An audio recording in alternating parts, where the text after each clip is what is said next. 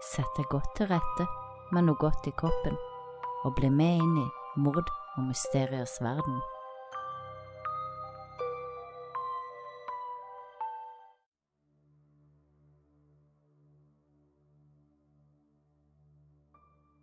Denne historien er brutal og hjerteskjærende, en historie om ei 16 år gammel jente som døde i smerte og redsel etter å ha blitt utsatt for ulidelig mishandling av de personene som skulle ta vare på henne.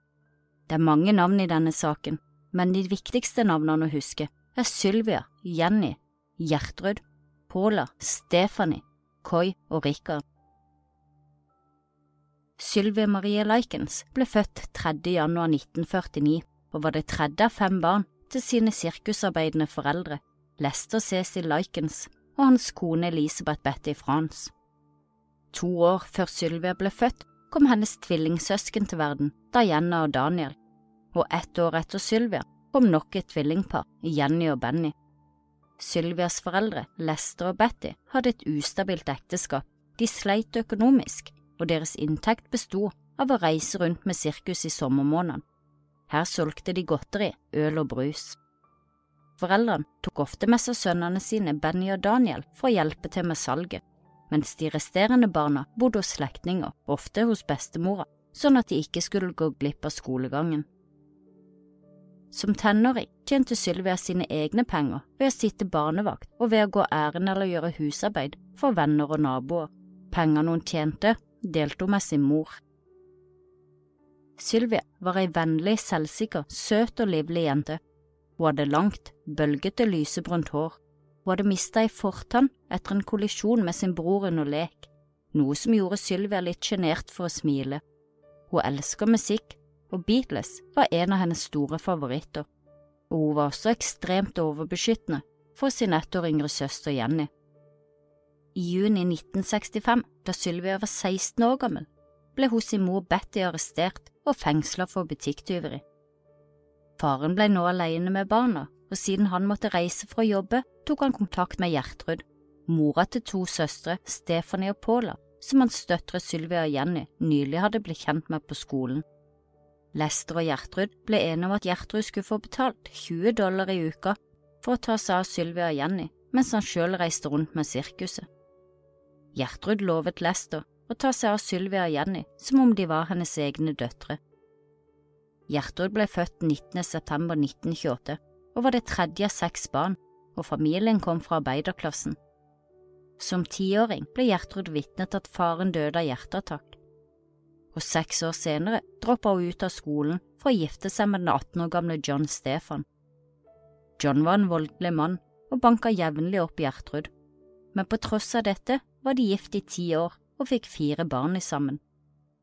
Etter skilsmissen fra John gikk det kort tid før Gjertrud gifta seg på nytt, denne gangen med en mann ved navn Edvard. Men ekteskapet varte bare i tre måneder, og kort tid etter skilsmissen fra Edvard gifta Gjertrud seg nok en gang, og for andre gang med sin første ektemann John. Fikk to barn til og hadde nå seks barn i sammen. Men ekteskapet holdt ikke denne gangen heller, og i 1964 så skilte de seg for andre gang. Gjertrud var nå blitt 34 år gammel og mor til seks, men hun lå ikke på latsida når det gjaldt menn, så bare uker etter sin tredje skilsmisse så innleda hun et forhold til den 22 år gamle Dennis Lee Wright. Også dette ekteskapet bar preg av vold, men Dennis og Gjertrud fikk en sønn i sammen, men bare kort tid etter fødselen så forlot Dennis Gjertrud. Ved inngangen av 1965 var Gjertrud blitt 36 år gammel og var alenemor til syv barn i alderen 1 til 17 år. Gjertrud var 168 cm høy og veide bare 45 kilo. Hun kjederøykte og var deprimert etter alle de mislykka ekteskapene og etter flere spontanaborter. Penger tjente hun ved å gjøre sy- eller vaskejobber for naboer og bekjente, og nå skulle hun ta seg av Sylvia og Jenny i tillegg til sine syv barn. Avtalen var at Sylvia og Jenny skulle bo hos Gjertrud fram til november, da foreldrene var ferdig med sesongarbeidet på sirkuset. Så 6. juli 1965 flytter den 16 år gamle Sylvia og 15 år gamle Jenny inn til Gjertrud i East New York Street. De to første ukene gikk kjempefint, søstrene koste seg med venninnene Stephanie og Paula. De dansa, sang og lekte, og hjalp til med husarbeid og andre oppgaver. Og hver søndag så deltok de på søndagsskolen sammen med Gjertrud sine barn. Betalinga som Gjertrud skulle få for å passe Jenny og Sylvia, kom som avtalt de to første ukene. Deretter kom betalinga, men da kom den som regel én til to dager etter den avtalte dagen. Dette gjorde Gjertrud irritert og forbanna, og hun begynte å ta ut frustrasjonen sin på Sylvia og Jenny. Dette gjorde hun ved å gi de ris på bar rumpe med forskjellige redskaper, men som regel så brukte hun ei seks millimeter tykk planke og slo de samtidig som hun kjefta over, ta seg av de hele uka uten å få betalt. Etter hvert begynte også Gjertruds eldste datter, 17 år gamle Paula, å ta del i mishandlingen av Sylvia og Jenny. En mishandling som om kort tid skulle bli fokusert hovedsakelig på Sylvia. Seint i august, nesten to måneder etter at Sylvia og Jenny flytta inn til Gjertrud, ble jentene slått 15 ganger hver i ryggen med den tykke planka. Dette skjedde etter at Paula hadde beskyldt dem for å ha spist altfor mye under kirkemiddagen som de hadde deltatt på. Ola var overvektig, ikke veldig attraktiv, og hun var tre måneder gravid. Hun mislikte Sylvia og var sjalu på utseendet hennes. Det samme var Gjertrud, og det var dette, i tillegg til den forsinka betalingen, som var årsaken til at Gjertrud fokuserte sinnet sitt mer og mer mot Sylvia. Det første ekstreme tilfellet av mishandling skjedde da Gjertrud fikk for seg at Sylvia hadde hatt sex med kjæresten som hun hevda at hun hadde. Gjertrud spøkte til Sylvia om at magen hennes begynte å bli stor, og hintet mot at Sylvia var gravid. Den 16 år gamle Sylvia trodde hun spøkte, og spøkte tilbake ved å si at hun trengte en diett. Men Gjertrud spøkte ikke, hun hater Sylvia, så hun reiste seg opp og sparka Sylvia alt hun kunne i skrittet, samtidig som hun sa gjør du noe med en gutt, så får du en baby. Deretter hadde Paula sparka Sylvia av stolen og ned på kjøkkengulvet mens hun skreik at hun ikke var slank nok til å sitte i stolen. Ved et annet tilfelle, mens familien satt og spiste middag, begynte Gjertrud Paula og en av naboguttene, Randy Gordon, å tvangsfòre Sylvia med ei pølse i brød. Pølsa var overtoppa med fyll som sennep, ketsjup og krydder. Det hele endte med at Sylvia spøy opp igjen maten, for deretter å bli tvunget til å spise sitt eget spy. Gjertrud kalte ofte Sylvia for et billig ludder av ei hore, og nå slo og piska hun Sylvia regelmessig mens lillesøstera Jenny ble ufrivillig vitne til det hele. Gjertrud begynte også å stumpe sigaretten sin på Sylvia, sånn at hun fikk brennmerker over hele kroppen, og i tillegg spredde hun flere rykter om Sylvia blant naboguttene, om at Sylvia var ei hore. En gang forsøkte Sylvia å ta igjen med Gjertrud ved å starte et rykte om henne og hennes nest eldste datter Stephanie. Sylvia sa at de drev med prostitusjon, en gutt hadde oppsøkt Stephanie på skolen og fortalt henne at Sylvia hadde startet et rykte om henne og moren. Stephanie konfronterte Sylvia da hun kom hjem, og Sylvia innrømmet hva hun hadde gjort. Stephanie slo til Sylvia, som begynte å gråte og be om unnskyldning. Og så begynte også Stephanie å gråte, og jentene ordnet opp seg imellom. Men da Stephanies kjæreste, den 15 år gamle Coy Hubbard, fikk høre om ryktet Sylvia hadde spredd, så angrep han henne Coy slo hardt til Sylvia før han tok hodet hennes og banka det inn i veggen. Så dytta han Sylvia baklengs ned ei trapp.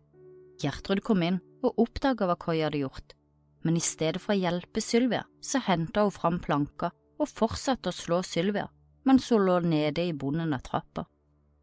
En gang hadde også Paula slått og banka Sylvia så hardt i ansiktet at hun brakk sitt eget håndledd.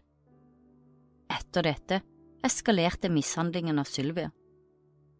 I september slutta Sylvia og Jenny å møte opp på skolen etter at Gjertrud nekta de å gå. Årsaken var at Sylvia hadde innrømmet å ha stjålet ei gymdrakt fra skolen.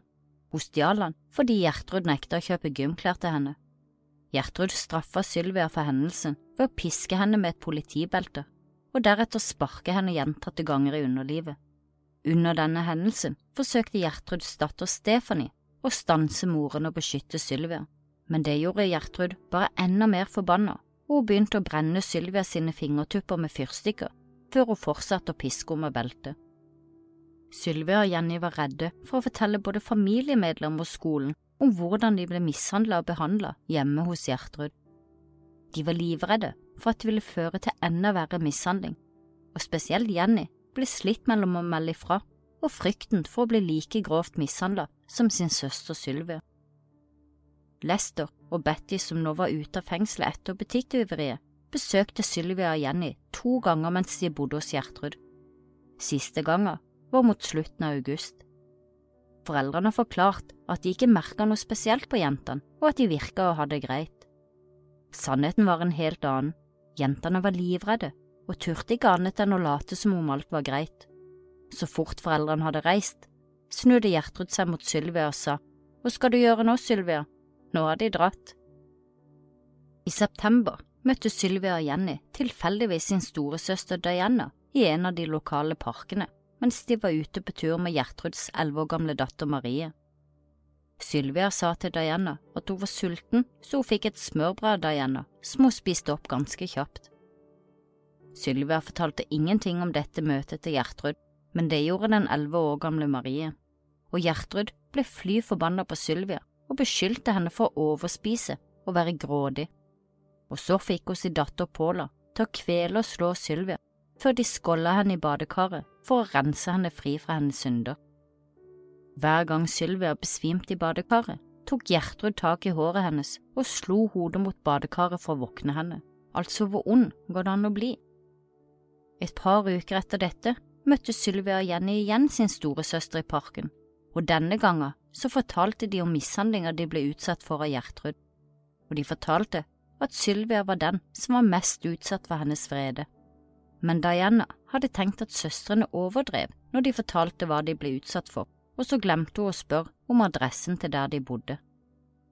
Men etter den siste hendelsen, hvor Sylvia ble slått mot badekaret etter å ha spist et smørbrød fra søsteren, tok faren til en av naboguttene anonymt kontakt med skolen og informerte om at ei jente med åpne sår over hele kroppen bodde hos Gjertrud-familien. Og siden Sylvia ikke hadde vært på skolen på ei stund, dro helsesøster fra skolen på hjemmebesøk for å undersøke. Gjertrud sa til helsesøster at Sylvia ikke hadde vært på skolen fordi hun hadde rømt, og Gjertrud hadde ikke visst hvor Sylvia var, eller at hun skulka skolen. Hun fortalte også at Sylvia var ute av kontroll, og at de åpne sårene hun hadde på kroppen, skyldtes dårlig personlig hygiene. Gjertrud sa også at Sylvia hadde dårlig innflytelse på hennes døtre og på sin lillesøster Jenny. Skolen gjorde ikke flere undersøkelser etter dette besøket. Men ikke alle naboene tok affære, selv om de helt tydelig visste hva som foregikk.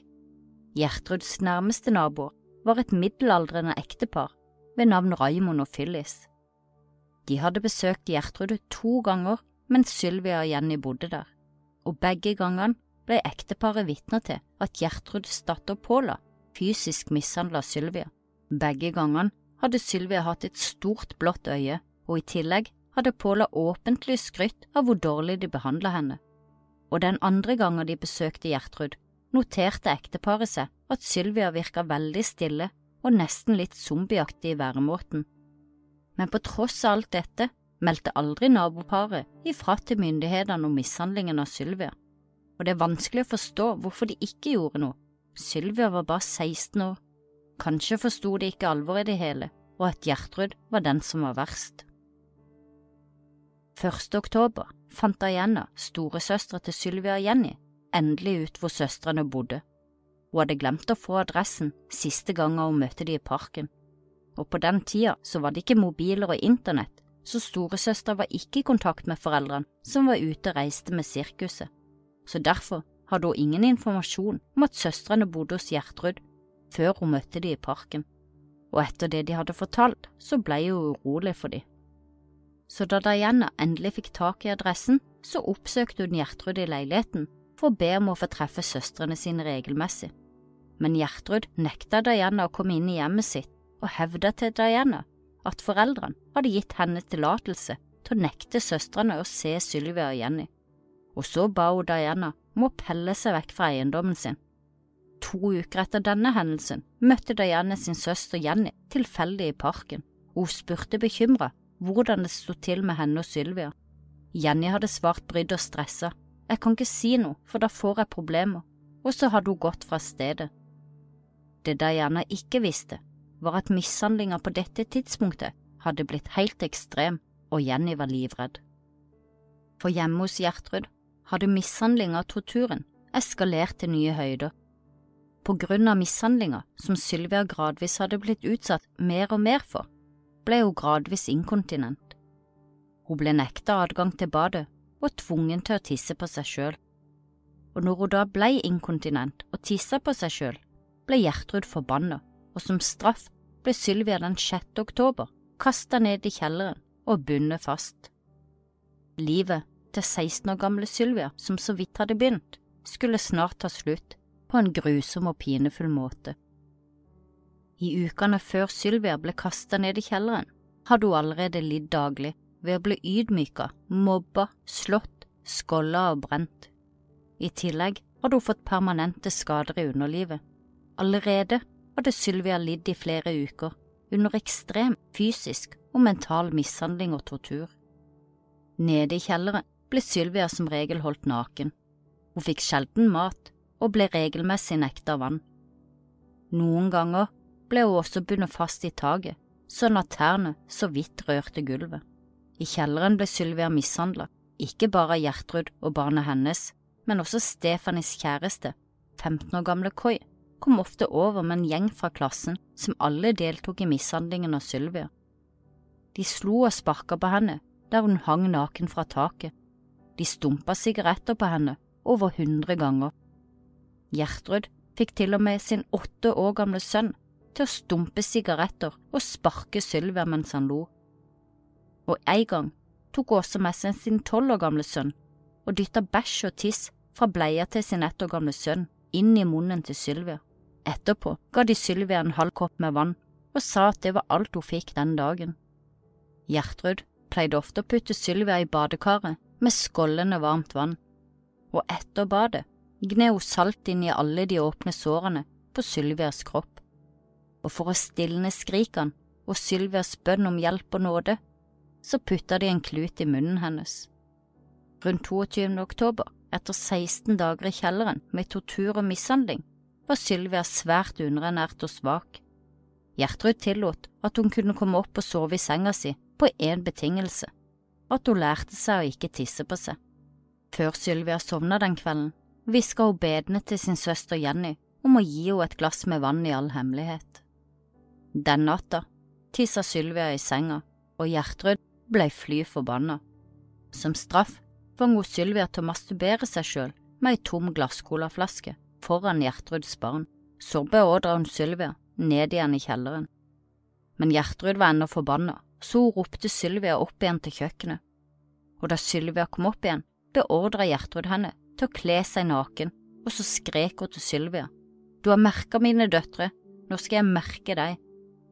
Og så begynte hun å risse inn ordene, Jeg er en prostituert og stolt av det, på magen til Sylvia med ei oppvarma nål.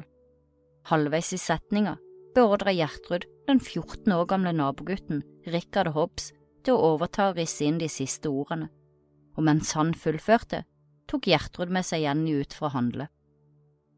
Og dagen etter så mobba Gjertrud Sylvia for teksten på magen, og ydmyka henne foran nabobarna ved å si at Sylvia hadde fått tatoveringer på en sexfest.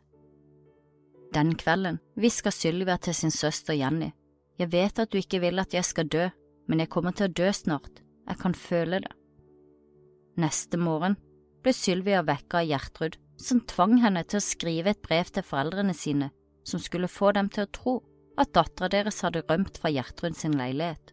Videre dikterte hun et innhold som skulle gi en gruppe anonyme lokale gutter skylden for grov mishandling av Sylvia.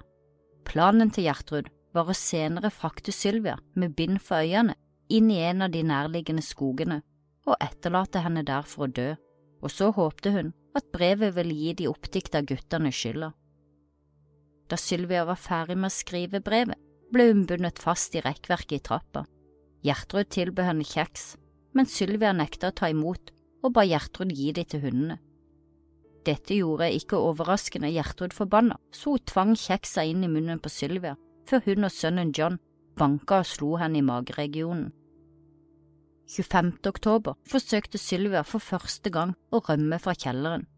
Hun hadde overhørt Gjertrud og sønnen Johns plan om å etterlate henne i skogen for å dø.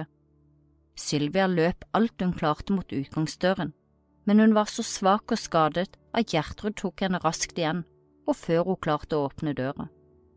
Deretter laga Gjertrud en toast til Sylvia, men Sylvia var altfor underernært og dehydrert til å klare å spise han, så Gjertrud, som allerede var forbanna etter rømningsforsøket fem minutter tidligere, dytta toasten inn i munnen på Sylvia, og så slo hun gjentatte ganger i ansiktet med ei gardinstang, og til slutt var hele gardinstanga bøyd i alle vinkler.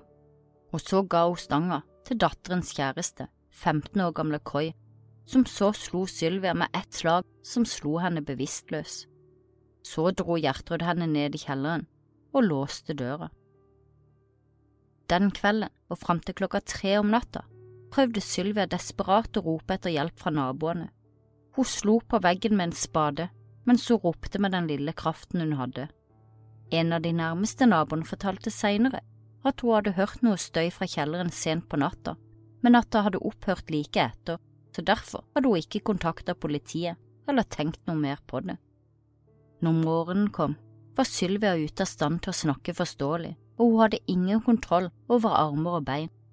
Gjertrud flytta Sylvia opp på kjøkkenet og satte henne på gulvet med ryggen opp etter veggen. Hun forsøkte å få gi Sylvia en donut og en glass med melk. Men da Sylvia ikke klarte å flytte glasset med melk på korrekt måte opp til leppene, ble Gjertrud igjen forbanna og slepte Sylvia ned igjen i kjelleren. I kjelleren ble Sylvia raskt desillusjonert, og hun stønna og mumla.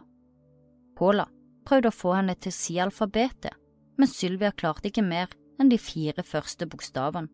Hun klarte heller ikke å reise seg opp eller å styre kroppen sin lenger. Men det var likevel ingen som stoppet, det bare fortsatte. Paula ba Sylvia om å reise seg, hvis ikke skulle hun ta fart og hoppe på henne. Paula visste godt at Sylvia ikke klarte å reise seg. Senere den dagen samla flere av de som hadde vært med å mishandle og torturere Sylvia seg i kjelleren og i et forsøk på å vaske Sylvia spraya Gjertrud sønn John henne med en hageslange, og igjen forsøkte Sylvia å rømme fra kjelleren, men hun kollapsa lenge før hun nådde fram til trappa, og ikke overraskende ble Gjertrud forbanna, hun gikk bort og trampa på hodet til Sylvia. Stephanie, som sto og så på moren og brorens mishandling av Sylvia, bestemte seg for å gi Sylvia et varmt såpebad.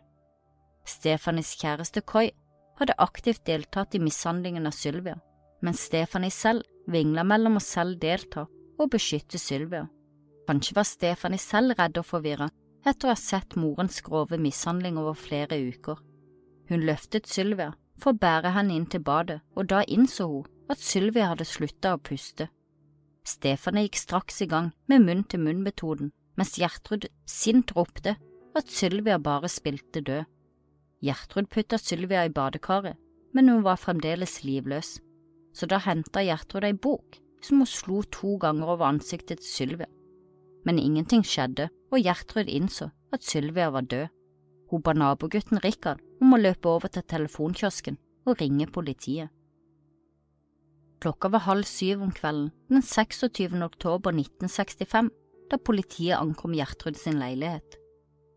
Hun viste de inn der Sylvia sin kropp lå, hardt forslått og grovt skada på en skitten madrass i et av soverommene. Gjertrud ga politiet brevet som hun hadde tvunget Sylvia til å skrive få dager tidligere, og til politiet så hevda Gjertrud at hun hadde forsøkt å gi livreddende hjelp til Sylvia den siste timen før hun døde. Hun fortalte at Sylvia hadde rømt noen dager tidligere sammen med flere tenåringsgutter og at hun plutselig hadde stått på døra denne ettermiddagen, toppløs og med et brev godt fast i hånda.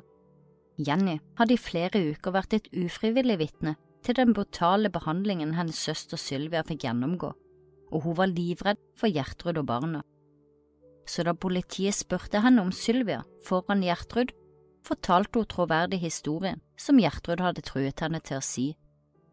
Men så fort Jenny fikk muligheten, så hviska hun til en av politibetjentene hvis du får meg ut herfra, så skal jeg fortelle alt, hjelp meg. Jenny ble frakta bort fra Gjertrud sin eiendom, og basert på hennes forklaring arresterte politiet Gjertrud og barna hennes, Paula, Stephanie og John, og sikta de for drap. Senere samme kveld ble også 15 år gamle Koi og nabogutten Rikard arrestert og sikta for det samme som de andre. Gertruds barn og Koi ble sendt til ungdomsfengselet. Nabogutten Rikard, som var 14 år på dette tidspunktet, ble sendt til et barnehjem. Det samme gjorde alle de yngste barna til Gjertrud. Men tre dager senere, den 29. oktober, ble ytterligere fem av naboungene arrestert, to gutter og tre jenter. De ble sikta for å ha skada Sylvia, men ble løslatt til foreldrenes varetekt mot at de vitna mot Gjertrud i den kommende rettssaken.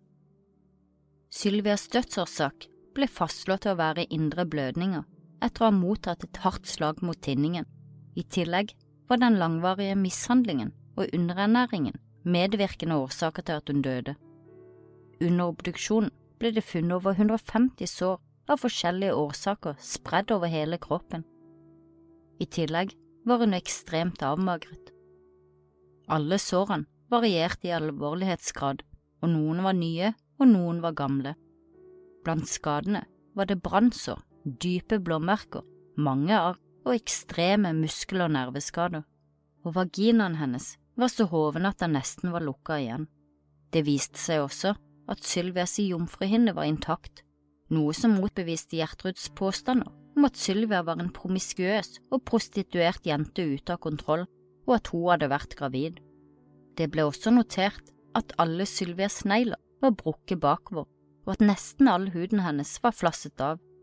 Sylvia hadde også bitt og tygd så mye på leppene sine at de var nesten borte fra ansiktet.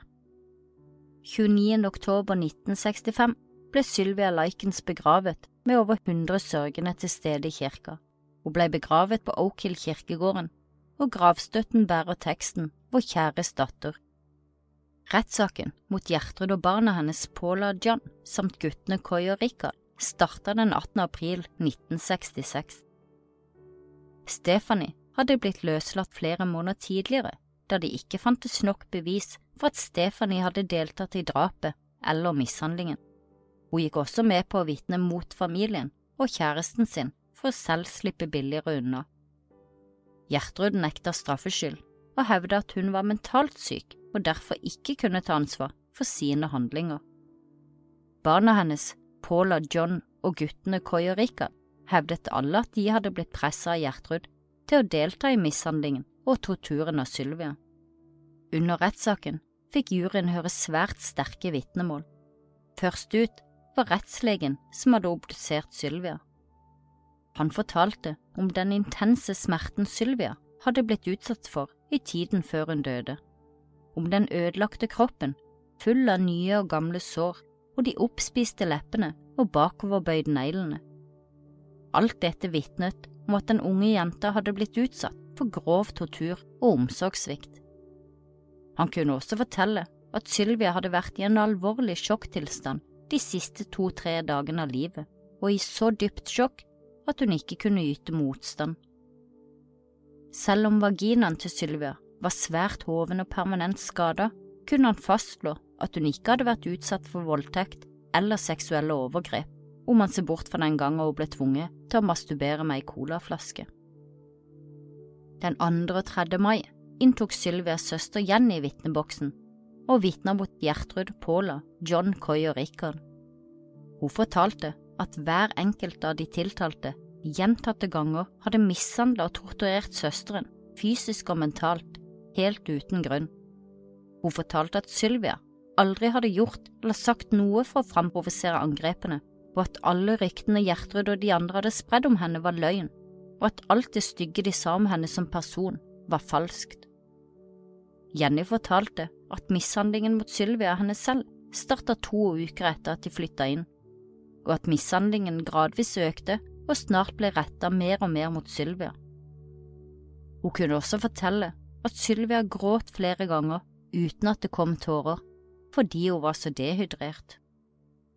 Ei av nabojentene som vitna, 13 år gamle Judy, innrømmer at hun hadde vært vitne til at Gjertrud gnidde salt inn i såret på Sylvias bein helt til hun hadde begynt å hyle ukontrollerte smerter. smerte. Judy fortalte også retten at hun ved to anledninger hadde blitt vitne til at Gjertruds ti år gamle datter Shirley reiv opp blusa til Sylvia, hvorpå nabogutten Rikard, som også var til stede, hadde ledd og kommentert alle har det gøy med Sylvia. 11. mai var det Gjertrud sin tur til å innta vitneboksen for å forsvare seg sjøl. Hun nekta alt ansvar og skyld for den langvarige mishandling og torturen som til slutt endte i døden for Sylvia. I stedet la Gjertrud skylden over på sine egne barn og på naboungene.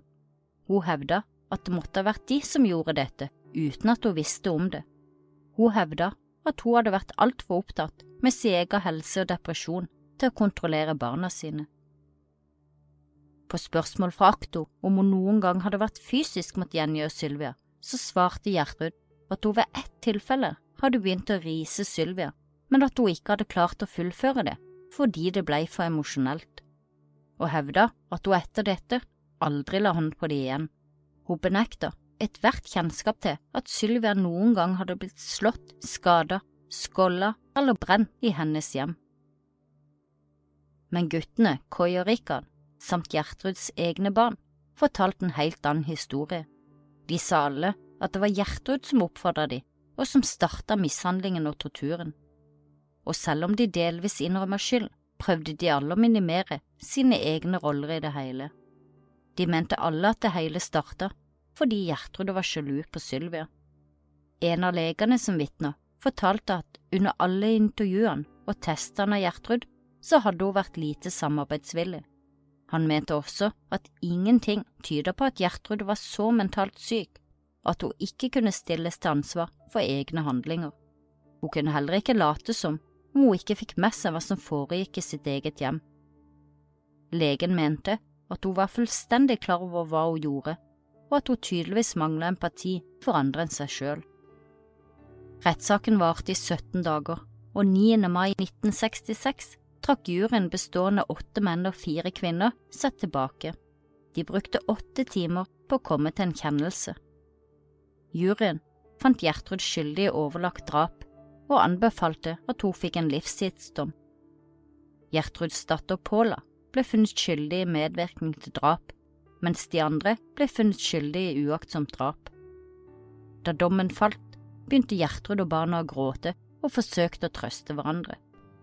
25. mai ble Gjertrud og Paula dømt til livstid i fengsel, mens John, Coy og Rikard ble dømt til 2 til 21 år i fengsel. Men saken slutter ikke her for i 1970, fire år etter at Gjertrud ble dømt, ble dommen mot henne og datteren Paula reversert. Årsaken var at dommeren under den første rettssaken hadde gjentatte ganger urettmessig avslått søknader og forespørsler fra advokatene deres. I tillegg hadde saken tiltrukket seg ekstremt mye medieoppmerksomhet, og de mente derfor at ingen av de tiltalte hadde fått en rettferdig rettssak. Så i 1971 ble det bestemt at Gjertrud og Paula skulle få sakene sine prøvd på nytt for retten. Denne gangen sa Paula seg skyldig i frivillig drap før rettssaken starta. Dermed slapp hun en ny rettssak og gikk fra livstidsdom til en dom på to til 20 år i fengsel. Paula forsøkte to ganger, uten å lykkes, å rømme fra fengselet etter den andre dommen sin, men på tross av dette ble hun likevel løslatt desember 1972 og kunne leve livet som en fri kvinne. Gjertrud derimot fortsatte å hevde sin uskyld, og ble i sin andre rettssak igjen funnet skyldig for overlagt drap og fikk en ny livstidsdom. Gjertrud sonte i Indianas kvinnefengsel, og etter 14 år i fengsel ble hun kjent for å være en mønsterfange. Hun arbeidet i fengselets systue og var kjent som fengselets mor for de yngste innsatte. Og i 1985 søkte Gjertrud om benådning og løslatelse. Hun hadde nå skifta navn til Nadine Van Fossan og beskrev seg selv som en hengiven kristen kvinne. Men da Sylvias søster Jenny fikk høre om Gjertrud sin søknad, protesterte Jenny og andre familiemedlemmer så godt de kunne mot at Gjertrud skulle få benådning. Flere støttespillere kasta seg inn i kampen, og de fikk til slutt samla inn over 40 000 underskrifter som krevde at Gjertrud forble fengsla resten av sitt liv. Under høringa så hevda Gjertrud at hun ønska at Sylvias død kunne være ugjort, samtidig som hun ennå minimiserte sin egen rolle i det hele. Hun sa blant annet, Jeg er ikke sikker på hvilken rolle jeg hadde i Sylvias død, for jeg var ruset på narkotika. Jeg kjente henne egentlig ikke, men jeg tar fullt ansvar for hva som skjedde med Sylvia. Og på tross av Sylvias families protester og over 40 000 underskrifter, gikk høringen så vidt i Gjertruds favør, og 4. desember 1985 ble Gjertrud løslatt fra fengselet. Gjertrud bosatte seg i Iowa, hvor hun bodde fram til hun døde fem år senere. Hun ble 61 år gammel og døde av lungekreft. Paula, som ble løslatt allerede i 1972, skifta navnet til Paula Pace, og på slutten av 90-tallet fikk Paula seg arbeid som lærerassistent. Hun holdt sin kriminelle fortid og navn hemmelig, men etter 14 år på samme arbeidsplass oppdaga skolen hennes virkelige identitet, og Paula fikk sparken på dagen. I dag bor Paula i en liten by i Iowa. Hun er gift og har to barn. Hun er også aktiv på Facebook den dag i dag. Stephanie, som var 15 år gammel da Sylvia døde, ble aldri stilt for retten, fantes ikke bevis for at hun var aktiv i mishandlingen, og i tillegg hadde hun vitnet mot sin mor og søsken under rettssaken. Stephanie skifta etternavn og utdanna seg som lærer. I dag er hun gift og bor i Florida under navnet Stefanie Serigstad, og hun er mor til flere barn. Også Stefanie er svært aktiv på Facebook, og ved flere anledninger har hun også snakket dritt om Sylvia.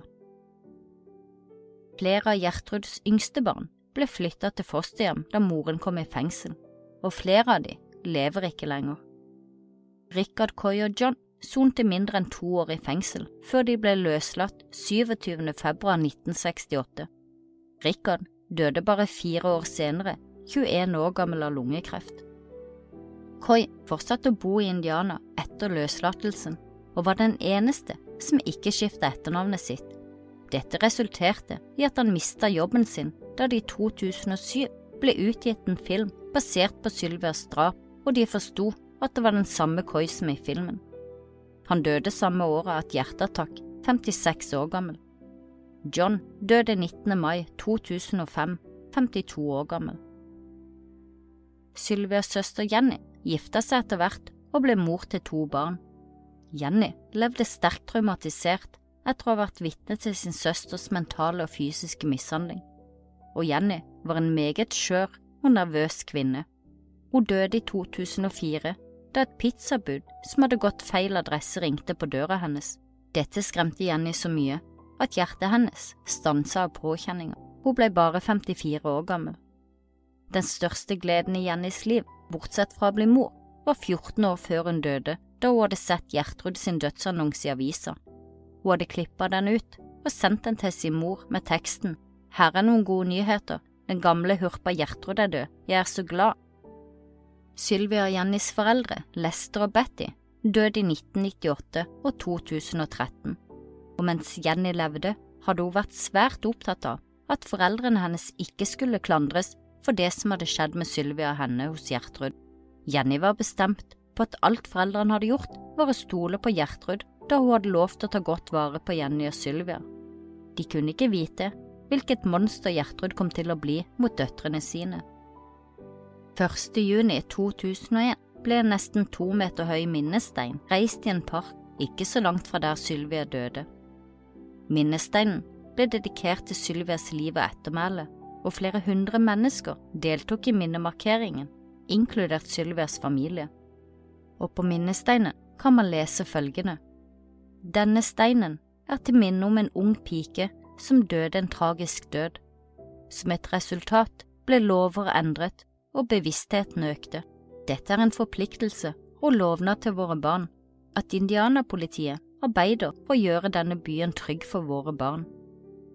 I 2007 kom filmen An American Crime ut. Den er basert på livet og drapet av Sylvia. Samme året kom også filmen The Girl Next Door, som er løst basert på saken. Det er også utgitt flere bøker som tar for seg de grufulle siste ukene av Sylvias liv. For oss normale mennesker er det vanskelig å forstå at noen kan utsette andre mennesker, og enda verre et barn, for slik grov mishandling og tortur, og være så hjerterå at man står og ler mens noen gråter, skriker og trygler for sitt liv, at man fortsetter å påføre dem enda mer smerte i stedet for å stanse opp og innse hva man holder på med. Så mange mennesker kan la seg lede til slike grusomheter, og hvordan en voksen kvinne kan få sine egne og andres barn til å utføre sånne grove handlinger, det er veldig vanskelig å forstå. Og flere av disse menneskene lever den dag i dag i beste velgående som frie mennesker med egne familier. Siden flere av de er aktive på Facebook, så er jeg helt sikker på at de innimellom får meldinger fra mennesker som ikke har glemt dem og saken de ble dømt i, og nye mennesker som lærer om saken som godt kunne tenkt å si dem noen ord. Forhåpentligvis har de angra hver dag for det de lot seg rive med på.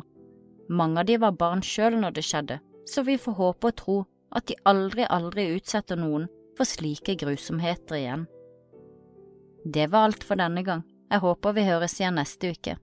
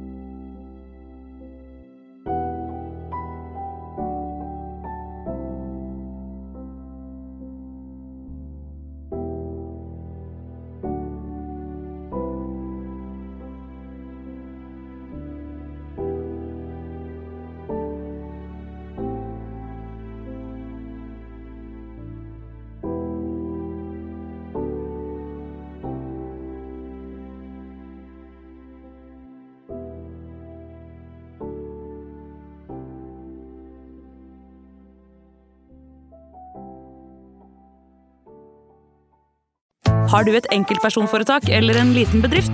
Da er du sikkert lei av å høre meg snakke om hvor enkelt det er med kvitteringer og bilag i fiken, så vi eh, gir oss her, vi. Fordi vi liker enkelt. Fiken superenkelt regnskap.